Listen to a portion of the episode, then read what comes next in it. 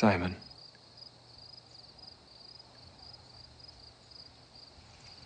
Simon, behold, Satan hath desired to have you, that he may sift you as wheat. But I've prayed for thee, that thy faith fail not. And when thou art converted, strengthen thy brethren.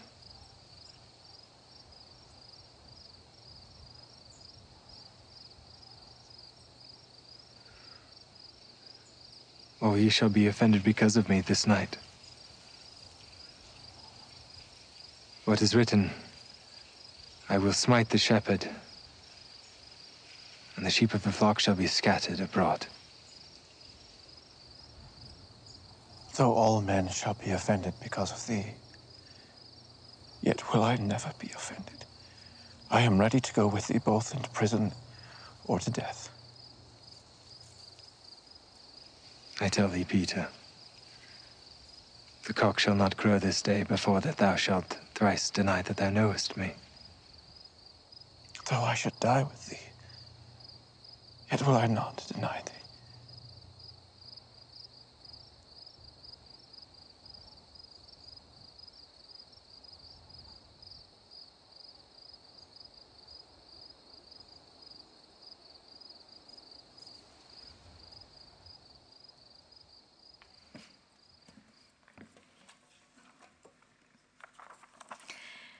Det var eh, Peter og Jesus eh, på Oljeberget.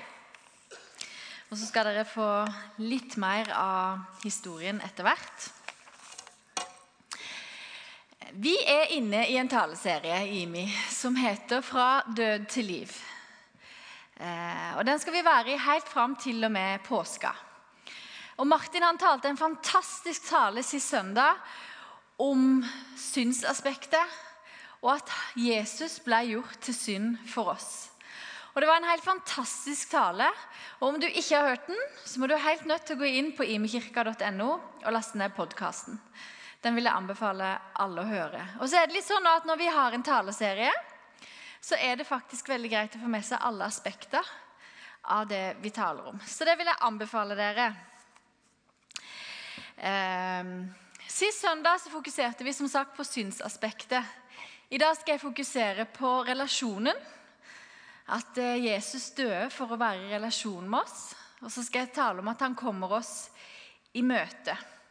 Og Når jeg taler i dag, så skal jeg bruke to menn eh, fra historien. Den ene vi så her, var Peter, og den andre jeg vil bruke, er Judas.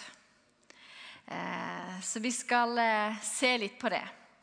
I filmen så så vi at Peter sa, 'Jesus, jeg kommer aldri til å fornekte deg.' Han sa, 'Om jeg så må dø med det, så kommer jeg aldri til å fornekte deg.'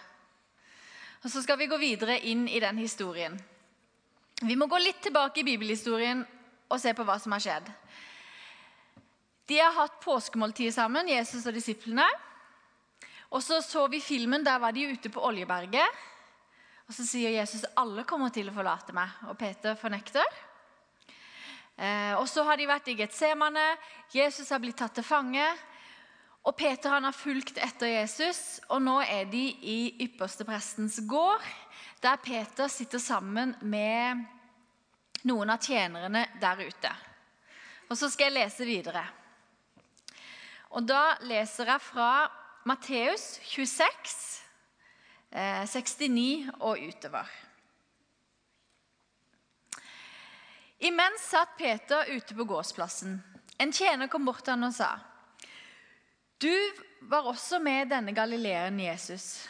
Men han nektet i, alle på, i alles påhør og sa, 'Jeg skjønner ikke hva du snakker om.' Da han gikk ut i porthvelvingen, fikk en annen jente øye på ham og sa til dem som sto der, 'Han der var med Jesus fra Nasaret.' Peter nekter på ny og sverger på det. Jeg kjenner ikke den mannen. Litt etter kom de som sto der bort til Peter og sa, 'Visst er du en av dem, du også. Dialekten røper deg.' Da ga han seg til å banne og sverge. 'Jeg kjenner ikke denne mannen.' I det samme gol hanen. Da husket Peter det Jesus hadde sagt. Før hanen galer skal du fornekte meg tre ganger. Og han gikk ut og gråt bittert. Det var Peter. Og så skal vi lese litt om Judas. Det står i Matteus 27, 3-10. Men da Judas, han som hadde forrådt ham, så at Jesus var blitt dømt, angret han og gikk med de 30 sølvpengene tilbake til overprestene og de eldste og sa:" Jeg syndet da jeg forrådte en uskyldig og sendte han i døden. Hva angår det oss, svarte de. Det blir din sak. Da kastet han pengene inn i tempelet og forlot stedet. Og han gikk bort og hengte seg. Overprestene tok sølvpengene, men sa det er ikke tillatt å la dem gå i tempelets kasse, for det er blodpenger. De besluttet å kjøpe pottemakerens åker for pengene og brukte dem til gravplass for fremmede. Derfor blir den åkeren kalt blodåkeren den dag i dag. Slik ble det ordet oppfylt som er talt gjennom profeten Jeremia. De tok 30 sølvstykker, den pris han ble verdsatt til, han som Israels barn lot verdsette, og de ga dem for pottemakerens åker, slik som Herren påla meg. To tekster om to menn. Eh, og Vi skal snakke litt om disse mennene. Vi må snakke litt om Peter først. Eh, når vi leser i evangeliene, så er det mange mange historier om Peter. Og Jeg skal ta noen få av dem, sånn at vi kan forstå litt hvem Peter var. Peter han var den disippelen som gikk på vannet. Når Jesus kom gående på vannet, så var Peter han som gikk ut av båten og tenkte jeg kan gå på vannet. Og så gikk han på vannet. Han var den disippelen som Jesus sa at han ville bygge sin menighet på. Og Det syns jeg faktisk er så bra at jeg må nødt til å lese det for dere. For da forstår vi litt hva Jesus så i Peter. Og Det står i Matteus 16, 13. Først så spør Jesus disiplene hvem sier folk at jeg er. Og Så vender han seg til disiplene og så sier han, men hvem sier dere at det er? Og Da svarer Peter følgende. Da svarte Simon Peter, du er Messias, den levende Guds sønn. Jesus tok til orde og sa, salig er du, Simon, sønn av Jonah. For dette har ikke kjøtt og blod åpenbart for deg, men min far i himmelen. Og jeg sier deg Hør på dette, da. Han er disippel. Han har fulgt Jesus. Og så er det dette Jesus bekjenner over livet hans. Du er Peter, og på denne klippet vil jeg bygge min kirke, og dødsrikets porter skal ikke få makt over dem. Jeg vil gi deg himmelrikets nøkler. Det du binder på jorden, skal være bundet i himmelen, og det du løser på jorden, skal være løst i himmelen. Det var det Jesus sa til Peter. Og syns du man? Eh, når Jesus hadde gitt Peter kallet sitt, så gikk det noen dager, og så gikk de opp på fjellet. Og så står det at Der viste Jesus sin herlighet. Og Moses kom ned, og Elia kom ned. Og det der sier, Jeg syns Peter er litt morsom, der, for han kommer på med denne geniale ideen at vi bygger tre hytter. For han ville så gjerne være sammen med Jesus, Moses og Elia og være i hans herlighet. Ehm, Peter gikk med Jesus dag og natt. Han så utrolig mange helbredelser. Han så utrolig mange tegn og under. Eh, og Det er helt tydelig at Peter var vanvittig begeistra for Jesus. Og I et av evangeliene så står det at Peter var den disippelen som Jesus hadde kjær. Og etter påskemåltidet så ser vi på filmen at Jesus sier alle kommer til å fornekte meg. Og Så sier Peter nei. Jeg er villig til å gå i fengsel for deg, og jeg er villig til å dø for deg. Og Så ser vi at Peter fornekter Jesus tre ganger. Og så står det at han gikk bort, og så gråt han bittert. Det var litt om Peter. Vi skal se litt på Judas. Han står det ikke så mange historier om. Eh, men han var en av Jesus sine apostler. Han var en av de som Jesus hadde bedt å forlate alt og følge etter han. Og det gjorde Judas. Så Judas gikk rundt med Jesus. Eh, han var glad i penger, står det. Han var kasserer. Og Johannes han skriver i evangeliet sitt at han hadde begynt å stjele litt av kassa. Så det var jo liksom ikke så masse oppløftende som, sto, som står om Judas liksom ut, utover. Eh, han oppga Jesus hvor han var hen, for 30 sølvpenger. Det er prisen, den samme prisen som de betalte for en slave på den tida. Han forrådte Jesus i Getsemane med et kyss. Og så syns jeg det er så fantastisk hva Jesus gjør når Judas kysser ham på kinnet. For Han snur seg mot ham, og så sier han, 'Venn, du har gjort ditt'. Selv i møte med å bli forrådt så viste Jesus Judas godhet. Og så leste vi det at når Jesus var dømt, så angra han. Og så gikk han til øverste presten med pengene, og de ville ikke ha de, så han kasta de inn. Og så står det at han gikk bort og hengte seg. Og Her har vi to karer som begge gjør dumme ting. Og Jeg vet ikke hvordan det er med dere, men i hvert fall jeg kan ha litt sånn medlidenhet med Peter. Og så kan jeg være ganske sinna på Judas, for han forrådte Jesus. Han forrådte han, og det, det smaker litt dårligere. Men fakta er at vi har to karer som gjør to dumme ting. Peter fornekter Jesus fordi han var redd, og Judas forrådte Jesus fordi han var glad i penger. Og Så viser bibelhistorien oss at det var to karer som begge faktisk var veldig veldig glad i Jesus. Og Det glemmer jeg litt oppi det hele når jeg i møte med Judas, at han var veldig glad i Jesus. Han skjønte at han hadde fått Jesus uskyldig dømt, og han hadde fulgt, fulgt Jesus i mange år. Vi skal la de to være litt, og så skal vi gå tilbake til de etter hvert i talen. Jeg har lyst til å si noe om relasjon. For når vi ser på Guds vesen, og når vi leser i Hans ord, så ser vi at for Gud så er det relasjon som teller. Gud han kommer oss i møte, og så vil han ha relasjon med oss. Og når han dør i vårt sted, så handler det om at han var villig til å gi alt for å ha relasjon med oss. Og I Guds ord så står det at vi, alle vi her inne, var døde pga. våre overtredelser. Og så står det at han tok straffen på seg. Og Elling han sa noe om det for tre uker siden. at Om, om vi her inne om vi prøver vårt beste å få til livet vårt, om vi prøver vårt beste ikke gjør noe galt, om vi prøver alt vi kan og alt vi kan og litt til, så får vi det fortsatt ikke til.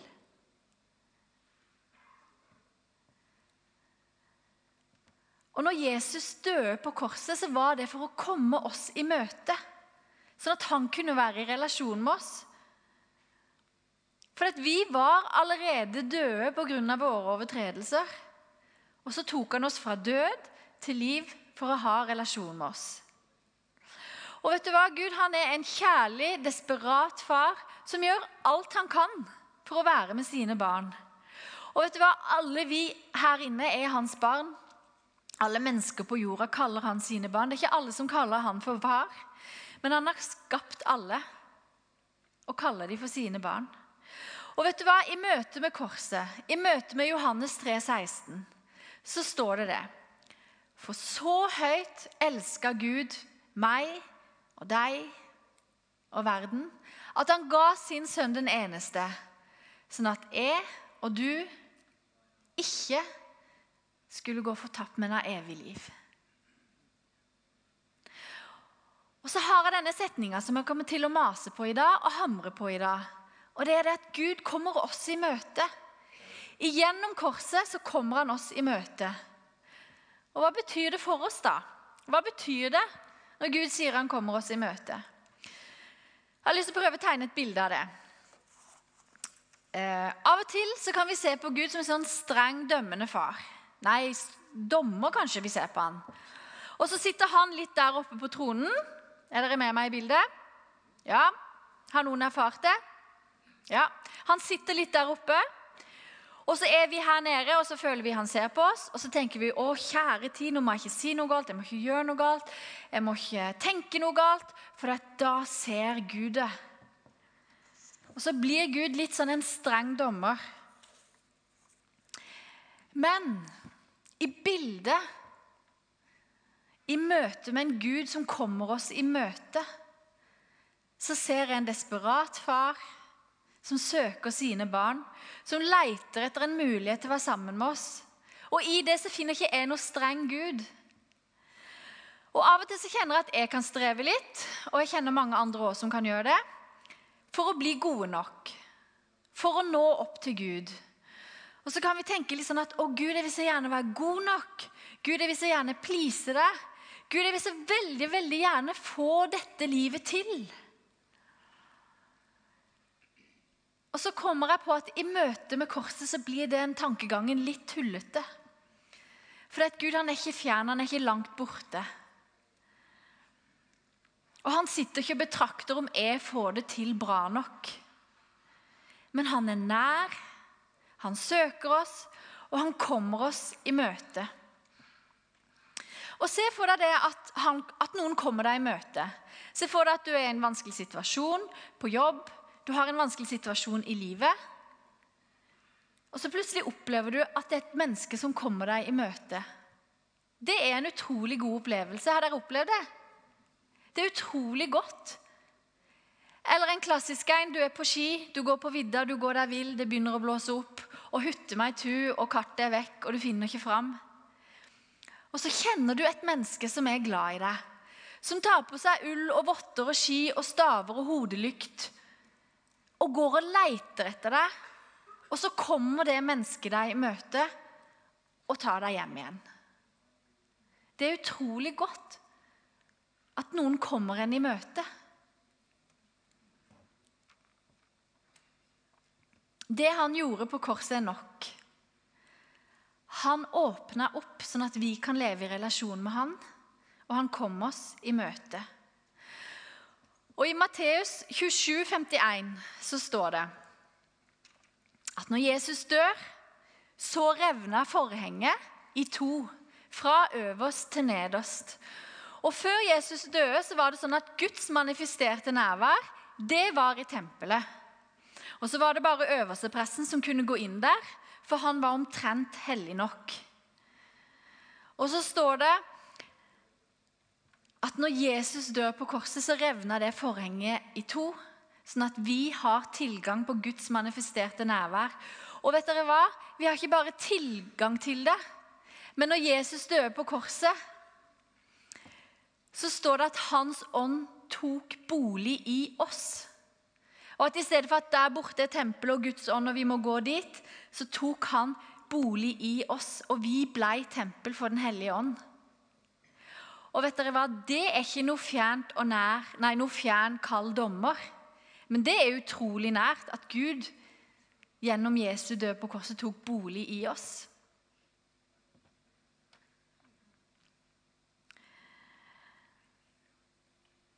Det er en hjerterelasjon. Gjennom Jesu død så kommer Gud oss i møte, og han kommer oss i møte på en nær, varm, dyp relasjon med oss. Og hvordan ser det ut for oss i praksis, da? For meg så blir det litt sånn at Guds kjærlighet, den tåler oss. Som en god far tåler at ikke ungene alltid gjør som de skal så tåler Guds kjærlighet oss. Og Jeg har to barn, og nå er de ganske store. Men før så pleide de å teste meg litt. Så sa de litt sånn 'Mamma, hva hadde du gjort hvis jeg kom hjem og hadde sagt sånn og sånn?' Eller de sa 'Hvis du fikk høre av noen andre at jeg hadde gjort sånn og sånn, hva hadde du gjort da?'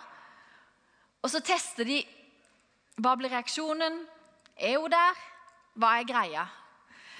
Og så må jeg innrømme at Av og til så svarte jeg at eh, jeg hadde nok låst deg inne og kasta nøkkelen i en dyp brønn. Ikke sant? Eller jeg kunne tenke i mitt stille sinn, som jeg ikke sa. Jeg hadde nok hatt lyst til å vri rundt den halsen fem-seks ganger. og så prøvde jeg som regel å svare noe som dette at Vet du hva? Jeg hadde ikke likt det du hadde gjort. Og jeg hadde helt sikkert blitt lei meg. Men jeg er fortsatt like glad i deg. Og du kan alltid komme hjem. Og så vil jeg alltid prøve å få det til sånn at du skal lykkes. Og vet du hva? Når vi gjør noe galt, så kommer Gud oss i møte, og så løfter han oss opp. Og så elsker han oss, og så reiser han oss opp igjen. Og jeg ser det for meg litt sånn når jeg faller og tryner. Så ser jeg litt for meg at han kommer og så sier han, vet du hva, Gry, skal hjelpe deg opp. Så strekker han ut hånda, og så hjelper han meg opp. Og Så bøster han litt av knærne mine, og så sier han, vet du hva, vi prøver igjen, Gry. Og så sier jeg ja, vi prøver på nytt. Er dere med? Forstår dere at gjennom Jesu død på korset så kommer Gud oss i møte? Ja, det er bra. Og så forstår dere at det er en relasjon som er en hjerterelasjon, og ikke en sånn der fjern dommer. Det er så bra. Nå har vi forstått masse. Jeg liker det. Vi skal gå tilbake til Peter og Judas litt. Det står at Peter han gikk bort, og så gråt han bittert. Og Så vet vi at Jesus døde, og så sto han opp igjen. og Så møtte han Maria Magdalena, og så møtte han noen flere disipler. Og I Johannes 21, eh, 15 og utover så står det der at Jesus møtte disiplene på stranda. Og Der var Peter òg, og de holdt på å fiske. Eh, og så må jeg bare si at dette er en av det er ikke favoritthistorien min i Bibelen, for jeg har så mange favoritthistorier, men det er en historie som jeg liker utrolig godt. For det er at Jesus han går bort til Peter.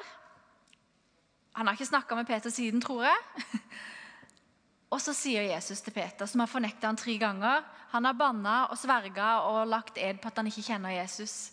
Enda han har opplevd så mye med Jesus og var så glad i han. Så møter Jesus han, og så sier han, 'Peter, elsker du meg?' Og Så svarer Peter, 'Ja, Jesus, du vet jeg har deg kjær.'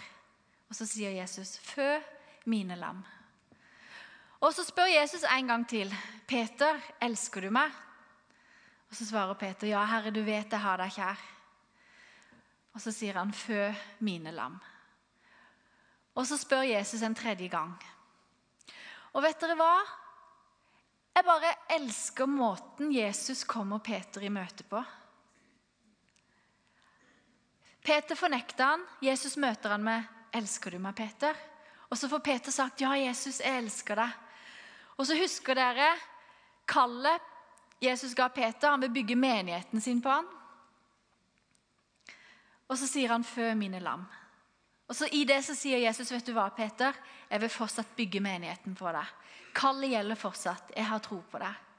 Og så Ikke bare fikk han gjort det én gang, men han fikk sagt det tre ganger. Ja, Herre, jeg elsker deg. Ikke det fantastisk? Måten Jesus kommer Peter i møte på, er helt nydelig. Og så får Peter lov å fortsette kallet. Han får lov å fortsette vandringen sammen med Jesus. Og Peter velger å ta imot. Når Jesus kommer han i møte, så velger han å ta imot. Og så har vi Judas, da. Og Judas han gikk og hengte seg. Og Vi vet aldri hvorfor han gjorde det, men jeg vil tro at Judas ikke så noe håp. Og Det som jeg synes er så trist, er at Judas fikk aldri lov å oppleve at Jesus kom han i møte når han hadde gjort noe så dumt. Han, han gikk glipp av at Jesus kom han i møte. Og så fikk Peter oppleve det, og så tok han imot. Åssen er det med deg når du tryner? Og jeg sier 'når du tryner', for det er at alle vi her tryner. Alle vi her tryner gang på gang. Det var derfor Jesus kom.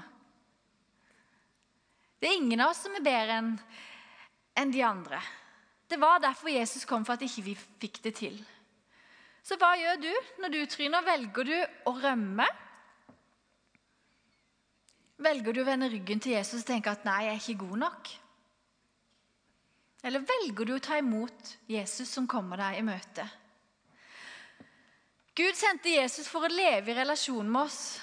Og for Gud er relasjon så viktig at han har satt deg og meg fri til å velge. Så når vi gjør noe dumt, kan vi faktisk velge å ta imot Jesus som kommer oss i møte. Eller vi kan velge å ikke gjøre det. Så høyt har Gud satt relasjon at vi får lov å velge. Hva velger du? Jeg har bestemt meg for dette. Og Dette er en avgjørelse som jeg har tatt, og noe jeg har bestemt meg for å gå på. Dette er ikke noe jeg gjør fordi jeg føler for eller fordi det kjennes så godt ut, men dette er en bestemmelse jeg har tatt. Og det er dette. Når jeg tryner, så bestemmer jeg meg for at Gud har betalt en utrolig høy pris for at jeg skal få leve i nåden. Og nåden, den er meg gitt, og den er gratis. Og så er det nok nåde. Og så bestemmer jeg meg for å benytte meg av nåden. Og i Romerne 8,1 så står det så er det da ingen fordømmelse for den som er i Jesus Kristus. Og jeg bytter ut ingen Nei, jeg bytter ut eh, navnet. Og så sier jeg, 'Vet du hva, Gry? Det er ingen fordømmelse for Gry.' For du er i Jesus Kristus. Og så kommer Jesus aldri med fordømmelse, men han kommer meg i møte med tilgivelse og en mulighet til å vende om. Og vet du hva? Jeg snakker ikke om en sånn billig nåde der det er ikke så farlig at vi gjør ditt og datt, for Jesus han døde jo, vi, er tilgitt og vi Jeg snakker ikke om en billig greie her. Men jeg snakker om å ta imot nåden som er har gitt. Og så snakker jeg om å vende om. Den onde kommer med fordømmelse. Men Gud møter oss med to naglemerka hender. Og så sier 'min nåde er nok'. I Mika 7,8 så står det 'Gled deg ikke over meg, min fiende'. Faller jeg, står jeg opp igjen. Lever jeg i mørket, så er Herren mitt lys. Og det lever jeg hver dag. Jeg tar en bestemmelse for det, at når jeg for n-te gang tryner, så bestemmer jeg meg for at nåden er nok. Det er ingen fordømmelse. Og jeg skal ikke bli liggende der nede så fienden kan glede seg over meg, men lever jeg i mørket, så er Herren mitt lys. Og så reiser jeg meg igjen, og så tar jeg imot at Gud kommer meg i møte. Og jeg har bestemt meg for å tro at nåden rekker denne gangen òg. Gang på gang. Og Av og til så må jeg si til noen vet du hva, nå har jeg tryna på dette så mange ganger, kan du òg hjelpe meg? Og så må jeg ha folk rundt meg òg. Hvorfor måtte Jesus dø? Han måtte dø sånn at Gud som kommer oss i møte, kan få leve i relasjon med oss igjen. Og så har han gitt oss et valg til å ta imot eller ikke gjøre det. Jeg skal avslutte. Og så vet jeg at jeg gjentar meg litt, men det er helt bevisst. Det er ikke fordi jeg ikke fant på noe bedre å si. Men jeg vil så gjerne at dere skal få tak i dette og huske dette. Jesus kommer i sin død på korset oss i møte. Han vil leve i nær relasjon med oss.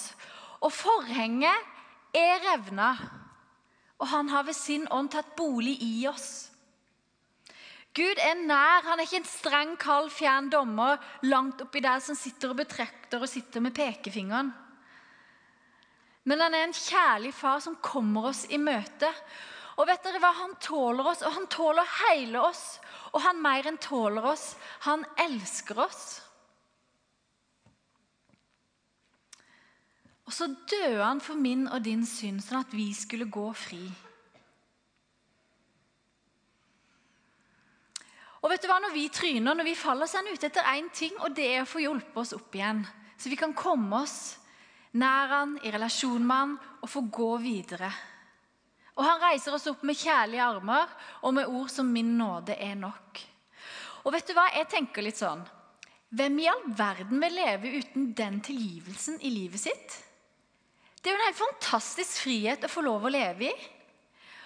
Og hvem vil vel ikke tilhøre en Gud som har all makt på himmel og på jord? I himmel og på jord. Der ingenting er umulig. Og som kom ned, og som kom oss i møte, og som døde for våre synder så vi skulle gå fri. Han gjorde det for å være i relasjon til oss. Hvem vil vel ikke ha en sånn far, en sånn Gud i livet sitt? Vi skal be sammen. Gud, du kom ned for å sette oss fri. Du kom hit fordi at du lette etter en måte som vi kunne leve i relasjon til deg på. Og så sendte du din sønn i døden for oss. Takk, Gud, for at du er en kjærlig far som kommer oss i møte gang på gang på gang. Og takk at når vi går oss vill, så leiter du etter oss. Når vi gjør noe dumt, så løfter du oss opp. Og så sier du at min nåde er nok igjen og igjen og igjen. Takk, Gud, for kjærlighet. Takk, Gud, for kjærlige armer. Takk, Gud, for at du har tatt bolig i oss. At du bor ved din ånd i våre hjerter.